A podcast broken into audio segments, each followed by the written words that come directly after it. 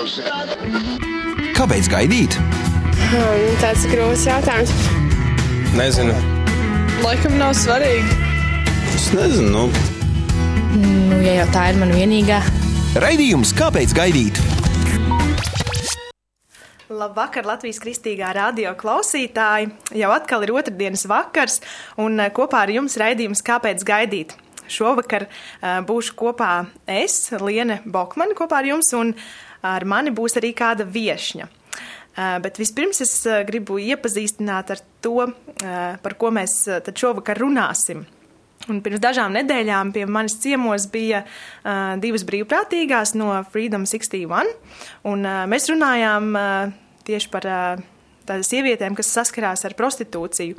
Un, uh, es tad arī vēlētos uh, turpināt šo sievietes uh, tēmu un uh, vēlētos šodien parunāt par sievietes aicinājumu, ko nozīmē būt sievietei, sievietes būtību. Un, uh, man ir patiesa prieks, ka ar mani šovakar uh, ir kristīgā psiholoģe, karjeras konsultante, kas ir specializējusies tieši ar ģimenes vardarbībā cietušajām sievietēm un bērniem. Un, jā, un arī pēdējos deviņus gadus strādājusi kā karjeras konsultante ar dažādiem cilvēkiem krīzēs, īpaši ar bezdarbniekiem un jauniešiem arī skolā. Jā, gribu sveikt studijā Zandu Bergu. Labvakar! Varbūt pastāstiet vispirms, kas jums vispār interesē, kā, kā jūs sevi raksturotu, lai, lai iepazīstinātu klausītājus ar sevi. Nu, ja ņem vērā šodienas tēmu, aicinājums, sievietes aicinājums, tad nu, es sākumā noteikti savā bērnībā nezināju, ko nozīmē būt sievietei vai meitenei. Tad es ļoti puiciska biju, un arī līdz ar to mans intereses bija tādas ļoti. Es izaugu ar puišiem, un tad vajadzēja sev mācīt aizstāvēt. Līdz ar to man pirmā profesija ir pavisam nesievišķīga būt par juristu. Bet es arī jau 7. klasē zināju, ka es mācīšos arī par psihologu. Tā kā tas kopā iet dvēsele un tas ir tomēr bijis kaut kur apslēpts visu laiku tā e, izzināt sevi, lai gan tas ārējais vienmēr ir bijusi tā cīņa un aizstāvēt Jūs esat uzaugusi starp, starp brāļiem, pušiem vai, vai Būtībā nē, būtībā man tikai viens eh, vecākais brālis, un, bet viņam bija ļoti daudz draugu. Mēs pagalmā visi bija arī puiši, mēs tikai divas meitenes. Tā kā, nu, sportojot arī gan brālis sportists, gan es arī biju, un eh, tas vienmēr bija tāda puiku sabiedrība, jā, vairāk. Jā, nu, forši vecākais brālis noteikti tas, kas aizstāv, kas vai neiedrošina. Publiski jā, bet pēc tam bija izreikināšanās mājās tik un nu, tā. Jā, kā, Nežēloju kā meitene katrā gadījumā. Uh, jā, es gribētu kā, kā jau jūs pati arī iesākāt uh, tieši par, par šo tēmu, sievietes aicinājums, es gribu jautāt, kā, kā jūs, varbūt esot šajā puišu sabiedrībā, kā jūs sevi veidojāt uh, par sievieti, kā, kā jūs atradāt to savu, savu aicinājumu? Uh, Nu, es domāju, ka tas notika ļoti pakāpeniski un ļoti, ļoti neapzināti.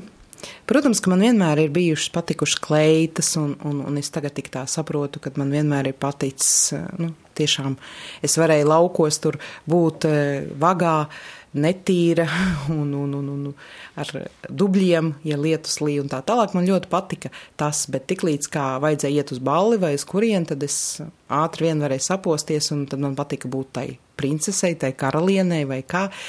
Tā būtība ir iekšā, bet katrā gadījumā tas ārējais, jā, es ļoti puiciski ģērbos un, un salīdzinoši tomēr ikdienā, bet kā es atklāju, Būtībā tas notika jau tad, kad es kļuvu par kristieti, un es biju dzīvības traumas tādās rekolekcijās. Tas bija 2001. gadā. Jā, varbūt izstāstīt, kas Jā. ir dzīvības traumas. Tā nu, Jā, dzīvības traumas droši vien šī kristīgā rādījā bieži dzirdēts, ka kāds no dzīves traumēm te runā. Tā ir iekšējās dziedināšanas programma. Un pat cik es strādāju par juristu, uh, tad man vajadzēja kaut kā izpausties arī, un, es kalpoju tur kādus piecus gadus, bet sākumā es pati tur aizgāju, jā, jūs labi uzdevāt jautājumu, jo tad sākās arī mans meklējumi būt, kas tad es esmu un kāds ir mans aicinājums, jo es izlasīju grāmatu Mana klēpja auglis, un tad es uzmeklēju dzīvības traumas. Um, tas gan toreiz bija vēl Efata vārdā, un tā ir iekšējās dziedināšana tieši par emocijām, par dziedināšanu, jo to lasot to grāmatu, es sapratu, ka tomēr kaut kas ar mani nav kārtībā. Un tad, kad tajās rekolekcijās tur bija Žozefs Bastēns, kas vēl arī tagad Latvijā bieži, man liekas, ciemojās, ja ne pat dzīvo no Beļģijas, vai es baidos sameloties no kuras valsts. Un es viņam piegāju klāt pēc lekcijas un prasīju viņam, vīrietim, prasīju, ko nozīmē būt sievietei. Ko viņš atbildēja? Un tad viņš nosauca visas tās darbības. Manikīrs, pēdikīrs, staigāt pa veikaliem, tur neko nedarīt, vienkārši sēdēt vannā un vienkārši laiskoties un neko nedarīt. Un man pilnīgi bija alerģiju uz visu to, ko viņš teica. Es domāju, kā tas vispār ir iespējams, ja es biju pieradusi visu laiku sacensties, cīnīties, darboties. Un, un kaut kur skriet un kaut ko darīt, un, un tā, un pēkšņi viņš man saka, ka man vienkārši ir, nu, jālaiskojās, un tas priekš manis, nu, tagad es saprotu, ka vīrietis tā ir darbība, sieviete tā ir vienkārši būtība, vienkārši būt par skaistumu, dzīvību dodošā, ja, māksla un viss, bet toreiz man tas nebija saprotams. Jā. Kā, kā jūs tagad uz to skatāties? Tas jums ir, ir tagad saprotams, vai? Es vienmēr saku, ja meitenēm skolā, pat cik es arī drusīņi skolā strādāju, tad, kā karjeras konsultants skolā strādāju, tad ja man būtu tā iespēja, tad es meitenēm mācītu jau skolā, ko nozīmē būt meitenēm. Un tad man patīk tās dokumentālās filmas, bija arī par čigāniem un tā, un tur ļoti labi parādīts, ka meitenes jau kopš viņas apzinās divu gadu vai trīs gadu vecumā, viņas jau gatavojās kāzām, viņas jau tur pērk kleitas un, un, un, un, un domā, kādas viņas tur būs, un, un gatavojas būt par, nu, tā kā maisaimniecēm, sievām, un viņas tā, nu, nesaspringst uz katrā gadījumā ne uz karjeru. Man tās filmas ļoti patika, un, un tas tāds kā apstiprinājums, ka sievietē vienkārši ir jābūt. Mm -hmm. Jūs pieminējāt to, ka jūs arī meitenes nāk pie jums skolā, vai ne? Kā, kā... Jā, tad es mācītu Jā. to. Nu, es arī runāju individuālās mm -hmm. konsultācijās, protams, es runāju par to, ko nozīmē būt sievietei, ko nozīmē būt meitenei, nu, necīnīties, jo tagad viss ir otrādāk. Ja vēl pāris gadus atpakaļ man atnāca puiši arī uz karjeras konsultāciju, jauni puiši, un viens pēc otra teica, ka viņi gaida no meitenes kaut kādu iniciatīvu attiecībās. E, nu jā, viņi jau laikam mani negrib, jo viņi man neko nu, tādu nav atbildējis, un tā, un tad man bija varbūt es esmu kaut ko sajaukusi. Bet izrādās, ka tā tagad ir tāda mode, ka gaida, kad meitene izrādīs savu iniciatīvu. Un meitenes pat jūtas vainīgas, ka viņas kaut kā nu, neko nedara, un līdz ar to puisis kā it kā aiziet garām. Tas ir ārkārtīgi sagrozīts šobrīd, ka meitenēm it kā jācīnās par to puisi. Un puiši tiešām gaida, kad, um, kad meitene izrādīs kaut kādu iniciatīvu. Man tas likās neticami, bet tā ir šodienas realitāte, lai cik tas drausmīgi neizklausītos. Jā, bet kā to, kā to tendenci varbūt uh, mainīt? Nu, es nezinu. nu, es domāju, ka ir jārunā gan ģimenēs, jārunā, jo kā mēs uzaugām. Mēs uzaugām, savu, nu, es personīgi uzaugu padomu laikā, ka tomēr es saprotu pēckara situāciju vecāku, visu laiku bija pieraduši, ka ģimenēs tā tad nebija vairs vīru, nebija vairs tēvu, līdz ar to mātes izaudzināja vienas pašas, piemēram, tos pašus vīriešus. Un meitenēm, sievietēm vajadzēja uzņemties gan vīra, tēva lomu, un viņas ļoti kļuva savā ziņā vīrišķīgas, ne jau savā būtībā, bet darbībā, darbība, darbība. Un tad tika tāds kults, ka nu, visu laiku ir kaut kas jādara. Un es arī uzaugu, pat cik es uzaugu sportiskā ģimenē, man tēvs arī sportists un tā, tad nu, es būtībā arī tiku gaidīta kā puika no mammas puses un tā. Līdz ar to katrs bērns grib attaisnot savu vecāku cerības, un, un, un, un manam tētim arī kā sportistam bija cerības uz mani tāpat kā uz puiku, kā uz brāli. Tas neatšķirās. Un katrā gadījumā tad vienmēr ir tā, ka visu laiku tev ir jācīnās. Un, un tā sabiedrības kultūra neļauj tev vienkārši atslābt un būt. Man ir viens piemērs ļoti, bet es nezinu, kāds būs nākamais jautājums, bet es atcerējos, ko es vienos kursos dzirdēju, kā meitene arī auga kopā ar puišiem. E, tas bija Norvēģijā vai kur vai Zviedrijā, un viņa bija ļoti tāda, nu, vīrišķīga, puiciska, apaļīga. Un tad viņas vecāki atļāva viņai vienu gadu neiet skolā, bet palikt uh, ar kumeļiem, kur zīdīja jaunos kumeļus. Un neiet skolā. Un tie puikas aizgāja skolā, viņi palika laukos tajā fermā, kur ir zirdziņi.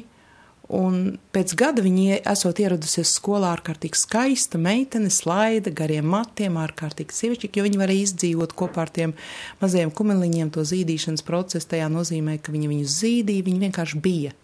Jo sievietē vajag laiku, telpu, ka viņa vienkārši ir. Ka viņai ne ar vienu nevajag sacensties, jo parasti tā darbīgā vide, mūsu arī karjeru, karjeru, tāda karjera, vid, karjeras vide, vienmēr liek sacensties, bet sievietē vajag mieru, laiku, lai viņa apjauš savu būtību. Jā, manuprāt, tagad vispār, nu, skatoties arī kaut kādas uh, filmas vai, vai, vai tā tendence, vispār visu laiku ir tāds, uh, šķiet, tāds spiediens varbūt no sabiedrības, ka tev ir jācīnās, tev ir jāiet pa karjeras kāpnēm vai, nu jā, bet tā sievietes būtība jau uh, ne tikai ir varbūt iegūt to karjeru, vai ne, bet, bet uh, uh, nu jā, kā jūs varbūt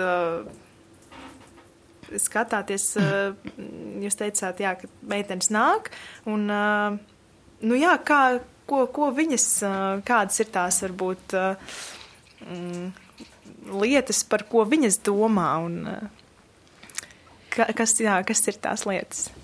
Nu, ir ļoti dažādi, jo, kā jau jūs teicāt, tas sabiedrības spiediens, un tā viņi atnāk pie manis uz kabinetu, kā pie karjeras konsultantu, un viņi ir ļoti, nu, visi noskaņoti, gan puikas, gan meitenes, jo viņiem tas ir teikts gan skolā, gan ģimenē, tāds spiediens, ka jādomā par savu karjeru, un kas tu būsi, un tā. Un tad, kad es viņiem saku, bet par ko tu gribi kļūt, un par ko tu esi sapņojis tur bērnībā, un, Un, un tad viņam liekas ļoti muļķīgs tas jautājums, kā, ko nozīmē, ko es gribu, vai tad es drīkstu gribēt. Jo izējot no tā, ka vajag, un ko es varu, un ko es māku, kas ir skolā arī diezgan liels spiediens vairāk virzīt bērnu, ko viņš māca, nevis to, ko viņš grib. Un tad tās meitenes atnāk arī tādas, nu, jau tādas noskaņotas to karjeru, bet eh, viens spilgts gadījums, tāds, ko es vienmēr pieminu, visspilgtākais ka jauna sieviete ap 30 gadiem bija ļoti pārliecināta karjeriste. Viņa grib karjeru veidot un tā. Un tad, kad es iedevu viņai tādas savā ziņā mājas uzdevumus, ko es dodu gandrīz visiem saviem klientiem, kas grib strādāt tā kā ar sevi un iedziļināties savā tajā misijā un aicinājumā, par ko viņiem ir jākļūst un jābūt, tad viņa bija pārsteigta pati par sevi, kad viņa nākošā konsultācija atnāca un viņa bija iedziļinājusies, ko viņa grib, ja visas lietas būtu iespējams, ja nevajadzētu naudu un ja nevajadzētu neko tādu, ko no viņas prasa, tad viņa bija pārsteigta, ka viņa gribētu būt vienkārši maisaimniece. Un tas ir tas, kas tajās, nu, čigā, par čigānu kopienām, tas bija īrijā, laikam tās čigānu kopienas, tās dokumentālās filmas Latvijas televīzijā gāja kādus četrus gadus atpakaļ. Tas bija tas, ka, nu, sievietē ļaut būt, Tad jau viņi izvēlās, protams, arī kādas no viņām izvēlēs mācīties augstskolā un tā, bet vienkārši būt viņām, ne, nu, nespiest viņām, ka viņām obligāti jāiet un jātaisa tā karjera. Mm. Tad īstenībā jūs kā karjeras konsultante patiesībā tas ir nu, ne tikai par karjeru, bet par vienkārši sevis tādu atrašanu vai ne? Jā. aicinājumu. Jo, ja mēs runājam par karjeru, tad karjerai nu, oficiāli ir piecas sfēras, un pirmā no tām ir vispār vide kurā vidē es gribu dzīvot, un, un tā. Un tad otrs ir tāds garīgums, jeb cilvēka garīgās izpausmes, kas tad es esmu, um, kā es gribu sevi izpaust, un tad ir vēl ģimene, un tad vēl brīvais laiks, un tad tikai mēs karjerā runājam par darbu. Uh, darbs, es to zīmēju kā māja, ir tikai pēdējais jumta sastāvdaļa, kad mēs runājam par karjeru. Sākumā ir jāsaprot, kur tu gribi, kas tu esi, kādu ģimeni gribi veidot, un tikai tad uh, kā lai to visu varētu apmierināt, nu, tad ir vajadzīgs arī kaut kāds darbs vai finanses vai kā. Kas varbūt ir tādi, nezinu, galvenie varbūt jautājumi vai, vai, vai tēmas, kas, uh, kas sievietē būtu jāuzdod varbūt sev, lai, lai sevi atrastu kaut kur? Kā, kā, kā, kā tas notiek? Varbūt, varbūt kāda klausās un domā, man patīk tas, tas, tas, viss kaut kas, bet kas, kur tieši es jūtu savu aicinājumu, es īsti nezinu. Es domāju, ka viss ir saistīts ar cilvēku, protams, brīvo gribu. un iedziļināšanās sevī neatkarīgi no tā, vai sieviete vai vīrietis. Bet, protams, mēs kā sievietes esam radošākas un garīgākas būtnes. Tajā nozīmē, ka mums patīk tur iedziļināties vairāk un attiecību cilvēki. Mēs esam tad iekšējais, ir tas vārdiņš gribu. Un tad ir tas jautājums, jeb uzdevums, ja visas lietas būtu iespējamas, tad iztēloties, kur tad es gribētu dzīvot un, un tā kā pasakā, un, un par ko tad es gribētu būt, vai arī atcerēties bērnībā, ar ko tad es spēlējos, jo tās motivācija ir arī tāds ārkārtīgi labs motivācijas dāvana seminārs, un tur ir runa par septiņām motivācijas dāvanām, apzināties, kas tad ir mana motivācijas dāvana, un tad atcerēties, vai tad es bērnībā tur spēlēju, piemēram, kaut vai tajās pašās skolās, Visi saka, nu jā, visi jau spēlē skolās, nu tā nav. Citi atkal spēlē tur ratiņiem un bērni un mammas, citi spēlē veikalos. Un es tikai vēlāk sapratu, ka es spēlēju bērnībā skolās. Man nebija, es negribēju ne lelles, neko. Nu, būtībā pēc tam izrādījās, ka jā, es gribu strādāt skolā, kaut vai kā karjeras konsultants, bet to es sākumā absolūti neapzinājos. Tā kā atcerēties, kas ir bijis tas, ko es labprāt ar prieku, kas sagādā prieku ko es labprāt darīju ar prieku. Tādā veidā var atrast, jo būtībā kas ir sievietes aicinājums? Tātad dzīvība un skaistuma dodošā, radošā.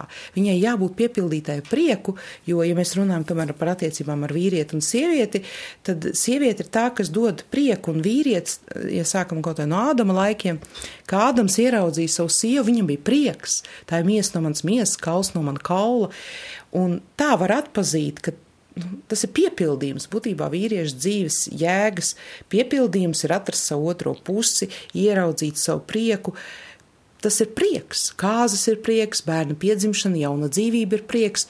Un arī, protams, tām sievietēm, kas varbūt nu, neatrod to otro nu, pusi, vai viņa, viņa netiek atrasta, tad viņas arī tik un tā viņa dod savā veidā nākamām paudzēm to dzīvību un prieku, kā viņa vien var savā misijā, savā aicinājumā, savā darbā.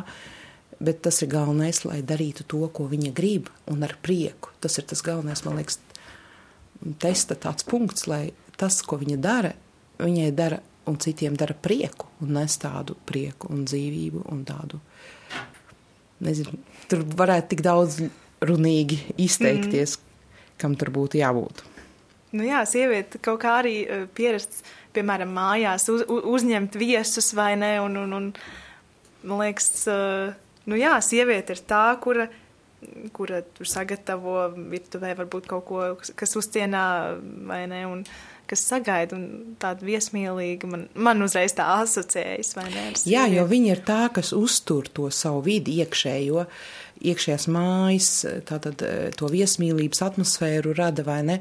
Un būtībā uh, ir tā, tas prieks uzņemt pie sevis mājās, radīt to vidi, gan lai, ja viņi ir precēti, tad lai tas vīrs tiešām gribētu nākt mājās ar prieku un, un, un, un lai viņa būtu tas viņa gan garīgais atbalsts, gan prieka vai e, tāds devējs, jā, bet katrā gadījumā tur ir jābūt pirmajam punktam ļoti atbilstošai videi, lai viņai būtu nodrošināta tā vide, lai viņa spētu atvērties, lai viņa spētu izpausties. Jā, man atkal nāk gadījums, no varbūt viņa arī klausās no manas, eh, teiksim, draudzenes, ka viņa sākumā arī viņa vienkārši bija fizioterapeita, un tad viņa arī krasi pamainīja savu karjeru, un, eh, un to gadu, kamēr viņa bija bez darba vai ilgāk, viņa aprecējās, un tad viņa kļuva, iekārtoja savu māju, un tad viņa bija ļoti laimīga. Tad viņa sāka niekoties ar kaut kādām, kas viņai vienkārši patika, tur kaut ko šūt, kaut ko ņemties. Un, un pēc tam viņa strādā viņai šūšanas salonā, at, absolūti citā pilsētā, un fizioterapeits vienkārši par, teiksim tā, gan arī par šuvēju vai par kaut kādu. Droši vien šuvēju būtu tas vienkārši nu, varētu teikt, daudz skaistāk. Ja? Bet tas ir tas, kad viņa pa, Tas ir tas, ko man cilvēki atnāk krīzē, ka viņi ir bez darba, ka viņiem ir laiks apstāties un tā telpa un vieta iz, izjust sevi. Un tad saprast, kas tad es gribu būt, kur es gribu būt. Un tas ir jauns sākums vienmēr. Iedziļināšanās sevī, apstāties. Un tas ir tas, kas mums ir vajadzīgs, īpaši arī sievietēm. Es domāju, visvairāk tas ir vajadzīgs.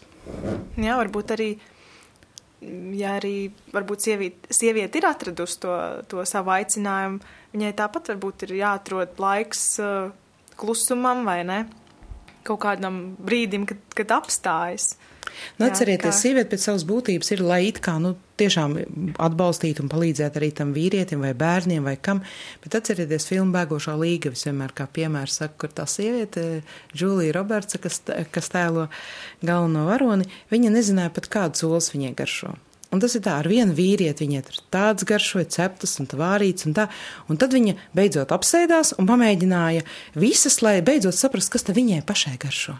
Un tas ir tas, kas sieviete būtībā varbūt pat pēc 30 gadiem vai pusmūžā viņai beidzot ir jāapstājās un jāiedziļinās, kas te viņai pašai patīk. Un tas īstenībā ir varbūt pat skaistākais vecums, kad sieviete sāk saprast, ko nozīmē vispār būt, ka viņa beidzās tā skriešana ar bērniem un bērnu audzināšanu, viss, tad viņa beidzot var apstāties un tagad padomāt, ko tad viņa pati grib. Varbūt ir tāda tā, tā tendence izpatikt citiem, vai ne? Nu, viņa ir radīta būtībā, sieviete radīta kā palīgs. Varbūt latviešu valodā nav, ir tas tāds diezgan neveikls vārds tulkojumā, ka sievi ir uh, vīra palīgs, bet būtībā tas ir daudz vairāk. Tas ir palīgs gan garīgais, gan, gan visādā ziņā palīgs. Tā ir būtībā vīrieša, nu, saka, tāda iekša, tas arī nebūtu labi teikts, bet nu, tāda garīgā būtība. Ja? Un, jo sieviete formē būtībā arī vīrieša dvēseli, un, ja mēs runātu arī par mātēm, tad ļoti svarīgi ir, lai viņas arī zēnos. Um, Nu, ieaudzinātu to attieksmi pret sievieti, jo māte ir pirmā sieviete, kas ir uz skatuves tam viņas dēlam, nākošajam formējošajam vīrietim. Un tad ir ļoti svarīgi, ka uh, ka viņi parāda, ko tad nozīmē būt sievietei, mātei, un laikam drusku viņi nogāja no tēmas, bet uh, tas ir tas, ka jūs varbūt man atgādinat, kāds bija jautājums.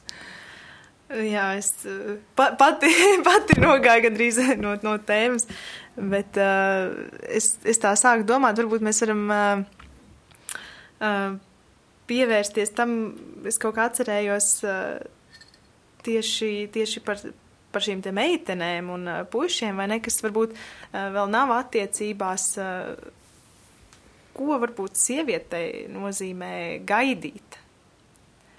Jā, jā. Man kādreiz mīļākā izrāda bija, es šodien nācu šeit, un es domāju, nu, ko lai es te runāju.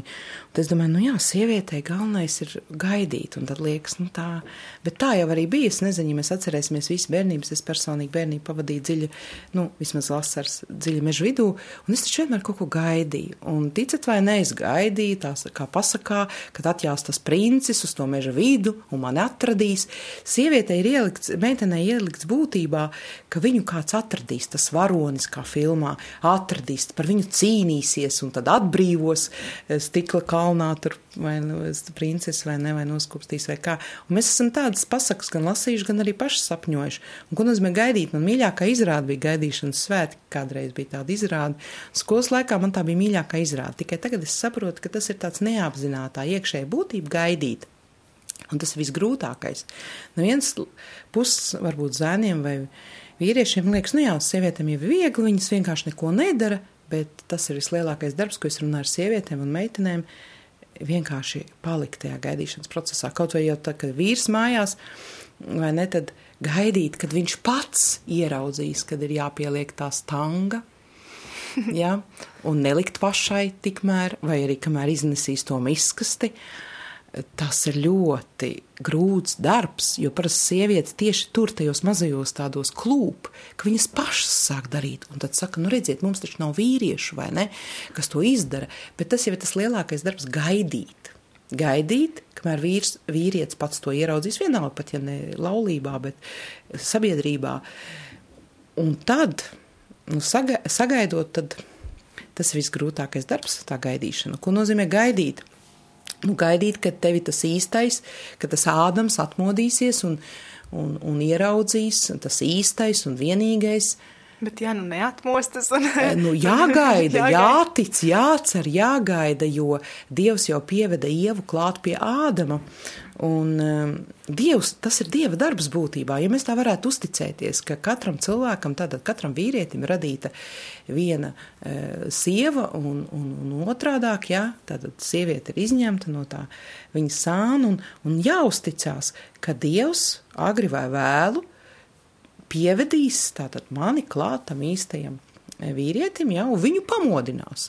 Kādu un kā viņš viņu modinās, tā jau ir Dieva lieta. Bet man atliek tikai gaidīt un uzticēties. Jā. Runājot arī par to gaidīšanu un, un nedaudz varbūt pieskaroties uh, tādai depresijas tēmai, jūs arī uh, nesen uh, izstādes slepenais dubultnieks ietvaros piedalījāties sar, sarunu vakarā par, par depresiju un sievietēm.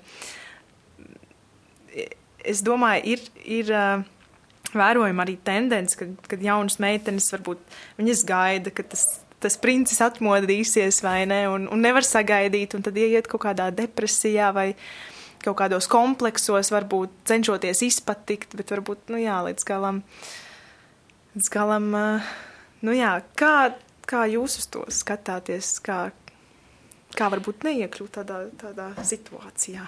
Tā nav tāda pasīva gaidīšana sievietei ir jāatrod sevi un savu aicinājumu. Viņai jānodarbojas tikmēr, kā ir teikts arī Bībelē, kad eh, neprecēta sieva kā, nu, nevis izdabā dievam, bet kalpo dievam, un, un būtībā viņa meklē sevi un savu aicinājumu dievā. Ja? Jebkurā gadījumā, ja viņi pat nav kristieti vai nesaprot, ko nozīmē atrast savu aicinājumu dievā, tad viņi vienkārši meklē savu būtību, ja, ka viņai jābūt skaistai, viņai jāgatavojas tam procesam, viņai jāuzticās, ka, ka viņa tiks pievesta klāt pie tā vīra. Vai ne? Tad viņai vienkārši jārūpējas par savu skaistumu.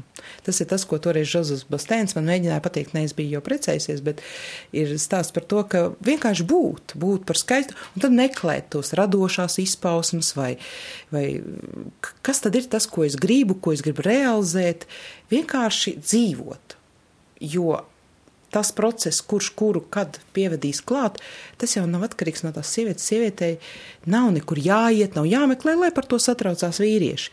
E, ka viņam tur jāiet, jācīnās, jāmeklē, bet sieviete jau vienkārši dzīvo līdz brīdim, kamēr tas notiek.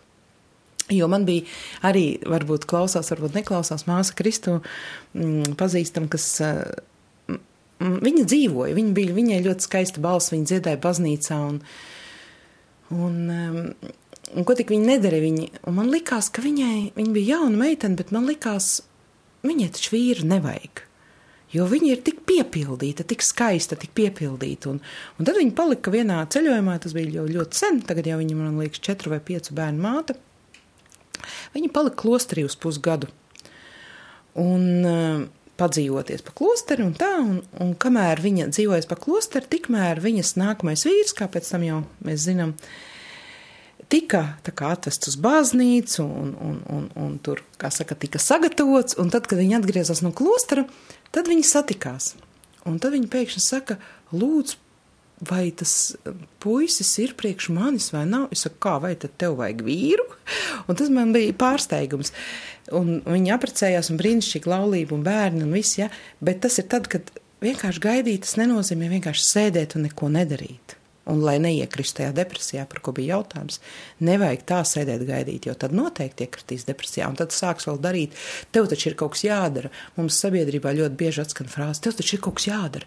Tu nevari vienkārši sēdēt un neko nedarīt. Tev ir kaut kas jādara. Un tad tā sieviete saka, stresot, jā, laikam man internetā jāieliek sludinājums, un tad aiziet pilnīgākos neceļos. Un tāda gan ir depresija, kad cilvēks ir aizgājis pilnīgi ar kaut kādiem neīstiem vīriešiem, kad tikai, kad tikai nepaliktu par vecmeitu vai vēl nezinu kas. Ja? Nu, ja, tas lielākais biets jau ir, ka tik es nepalieku viena, vai ne? Nu, tas ir, jā, tas jā. ir, tas iedzen pilnīgi otrā, tas iedzen depresijā pēc tam. Mm. Kad eh, tieši otrādāk iedzen depresijā, kad mēs apracamies ar neīstiem, kad mēs neesam sagaidījuši. Un ja mēs nonākam nagos kādam, kas nav no Dieva mums dots, tad gan ir pēc tam, cik daudz, ja es strādāju tātad ar ģimenēm, kur sievietes ir depresijā, tāpēc, ka viņas vienkārši ir ie, saka, ienaidnieka rokās ieskrējuši dēļ šī spiediena, nu, cilvēki, kas nav viens otram radīti, un tad tas vīrietis it kā gaida no sievietes to, kāda viņa patiesībā nav, jo viņš grib savukārt savu sapņu sievieti no viņas dabūt ārā, bet viņa nav viņam radīta. Un tad uh, viņa atkal mēģina izdabāt, lai viņa būtu, un tik un tā viņa nav pietiekami laba. Un tad ir depresija, un tad ir arī vardarbība, un vēl nezinu, kas ģimenē ir. Mm. Tā būtu atsevišķa tēma par vardarbību. Nu, jā, protams, jūs arī pati esat strādājusi ar tieši ar šādām sievietēm, kuras ir cietušas. Jā, protams, un arī eh, ikdienā sanāk, ka nav jau obligāti jāstrādā, kā es esmu arī bijusi krīžu centrā strādājusi, bet eh, īsāku varbūt laika periodu, bet eh, šos deviņus pēdējos gadus man nāk cilvēki bezdarbnieki, viņi ir krīzē, sievietes, arī visādos citos projektos, kur viņas ikdienā sanāk, ka klienti visu laiku nāk un viņiem ir tās ģimenes krīzes. Un tur ir tādi stāsti, kad man viena draudzene kas arī strādā par juristu, un tādā brīdī viņa pat strādāja prokuratūrā, un kad viņa klausījās, lasīja manu kvalifikācijas darbu, kas bija no reāls krīžu centra prakses, paņemti piemēri, viņa teica, nu gan es esmu sacerējusi. Es teicu, nē, tas nav sacerēts, tas ir no dzīves. Un tā sieviešu tēma par vardarbību, es domāju, tā būtu cita, jo tā ir tā negatīvā, kur šodien par to skaisto sievietes aicinājumu nevajadzētu aizskart. Nu jā, protams. Jā. labāk, labāk ir saprast, ko, ko darīt, nevis ko nedarīt. Ne? Ko darīt, lai neieietu tajā mm. depresijā un tajā vardarbībā, un tajā tā būtu atsevišķa tēma, jā. Bet eh, vienkārši būt. Es nezinu, vai tas ir iespējams apskatīties tās dokumentālās filmas, bet man viņas ļoti iedvesmoja par tiem čigānu taboriem, kur bija kā, ka sieviete ne, nevar, nedrīkst iziet. Jā, tā ir arī aizsardzība, ka vīrietis austrumu kultūrā tas ir īpaši raksturīgi, ka sieviete nedrīkst uz ielas iet viena. Un arī tur tajās dokumentālās filmās tika parādīt, ka meitenes nedrīkst iet. Viņas vai nu iet ar draudzenēm vai ar brāļiem, viņas nedrīkst uz ielas pat iet vienas, tāpēc, ka viņām var tik nodarīts pāri. Un, um, tā ir sava veida aizstāvība. Ja, ka viņas tad iziet pie vīra, tad jau viņas ir konkrēti, kad konkrētā vīra aizstāvībā vai nu, tur tāda ģimenes vairāk tāda kopība. Un, tā kā es domāju par to, ka mūsu bērni, meitenes, viņām jāļauj vienkārši spēlēties un būt, un būt aizsargātām. Tas ir ģimenes uzdevums, lai tā meitene varētu attīstīties un augt par nākamo sievu un mammu, ja viņa tāda gribēs būt, vai, vai tā kā tur radīsies tie apstākļi, lai viņa justos drošībā un aizsardzībā tajā savā ģimenē, ģimenes šūniņā, vidē, vietā, jo tad viņa varēs vienkārši būt par to princesi arī pēc tam, ka Jā. viņai nevajadzēs cīnīties par sevi. Tas ir pirmais, man liekas, noteikums, lai viņai nevajadzētu aizstāvēties, cīnīties. Jo tā ir vārdarbība, ja jācīnās ir pret patēvu vai pret e, kaut kādiem vardarbīgiem onkuļiem vai tad, tad viņa, protams, pazaudēs sevi, tad viņa iestrēgst un nekļu, ne, nevar vairs kļūt par tādu sievišķīgu sievieti, jo viņa sāk cīnīties. Viņa, viņa sāk cīnīties, tad viņa kļūst vairāk vai mazāk vīrišķīga. Nu jā, tad īstenībā tā jau tāda, varbūt tāda pat garīga vardarbība, nu, Garīga, emocionāla. Tā jā. cīnīties, tā varbūt pat nav. Nē, nē, nē, jā. jo galvenais statistika rāda, ka galvenā vardarbība jau nav tā ne seksuālā, ne fiziskā, bet galvenā ir tieši tā garīgā un emocionālā vardarbība.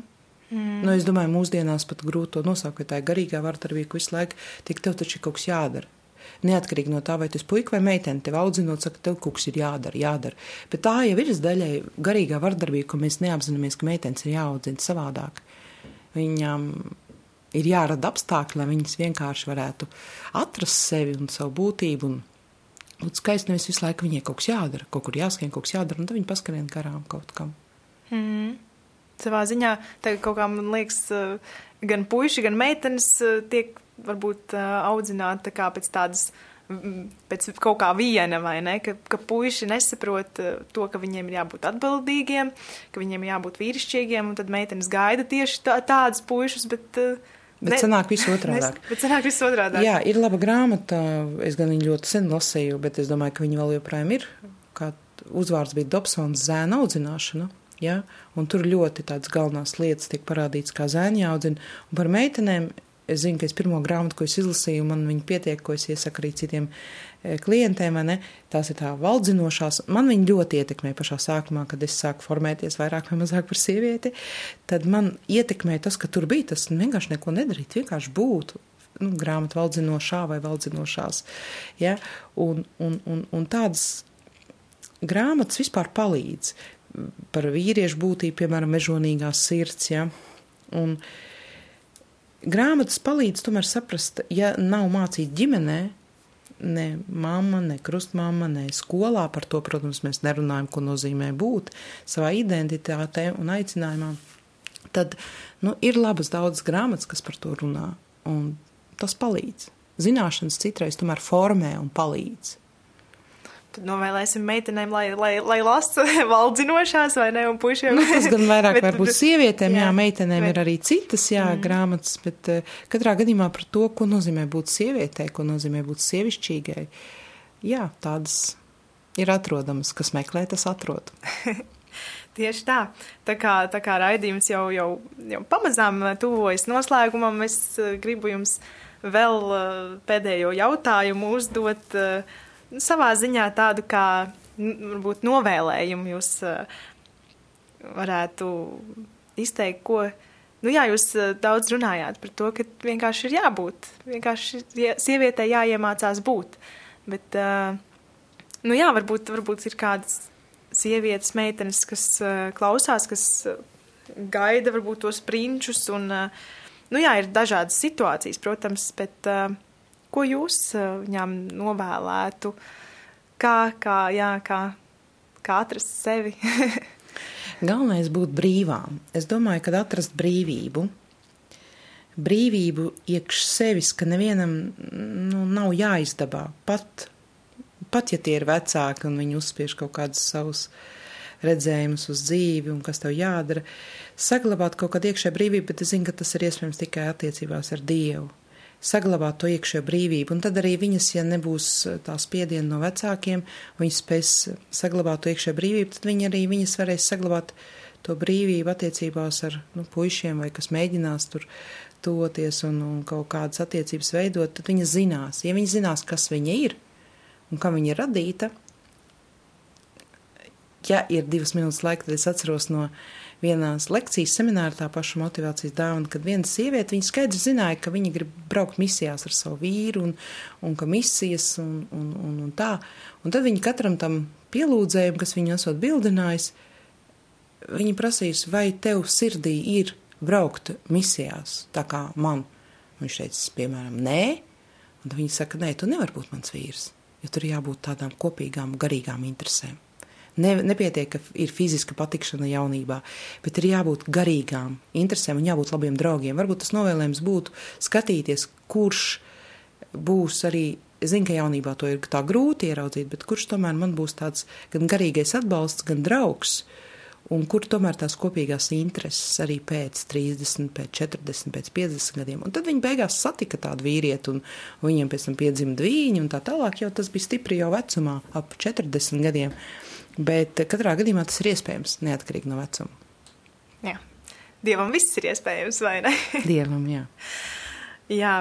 Man uh, bija tiešām patiesa prieks, ka jūs uh, šeit bijāt un ka jūs dalījāties ar tik daudz stāstiem. Un, uh, un es ceru, ka, ka arī mūsu klausītājus jūs iedrošinājāt ne tikai meitenes, sievietes, bet arī puišus. Uh, varbūt uzdrīkstēties, tad uh, būt atbildīgākiem vai ne. Bet, eh, nu jā, tas jau, tas jau par puišu tēmu.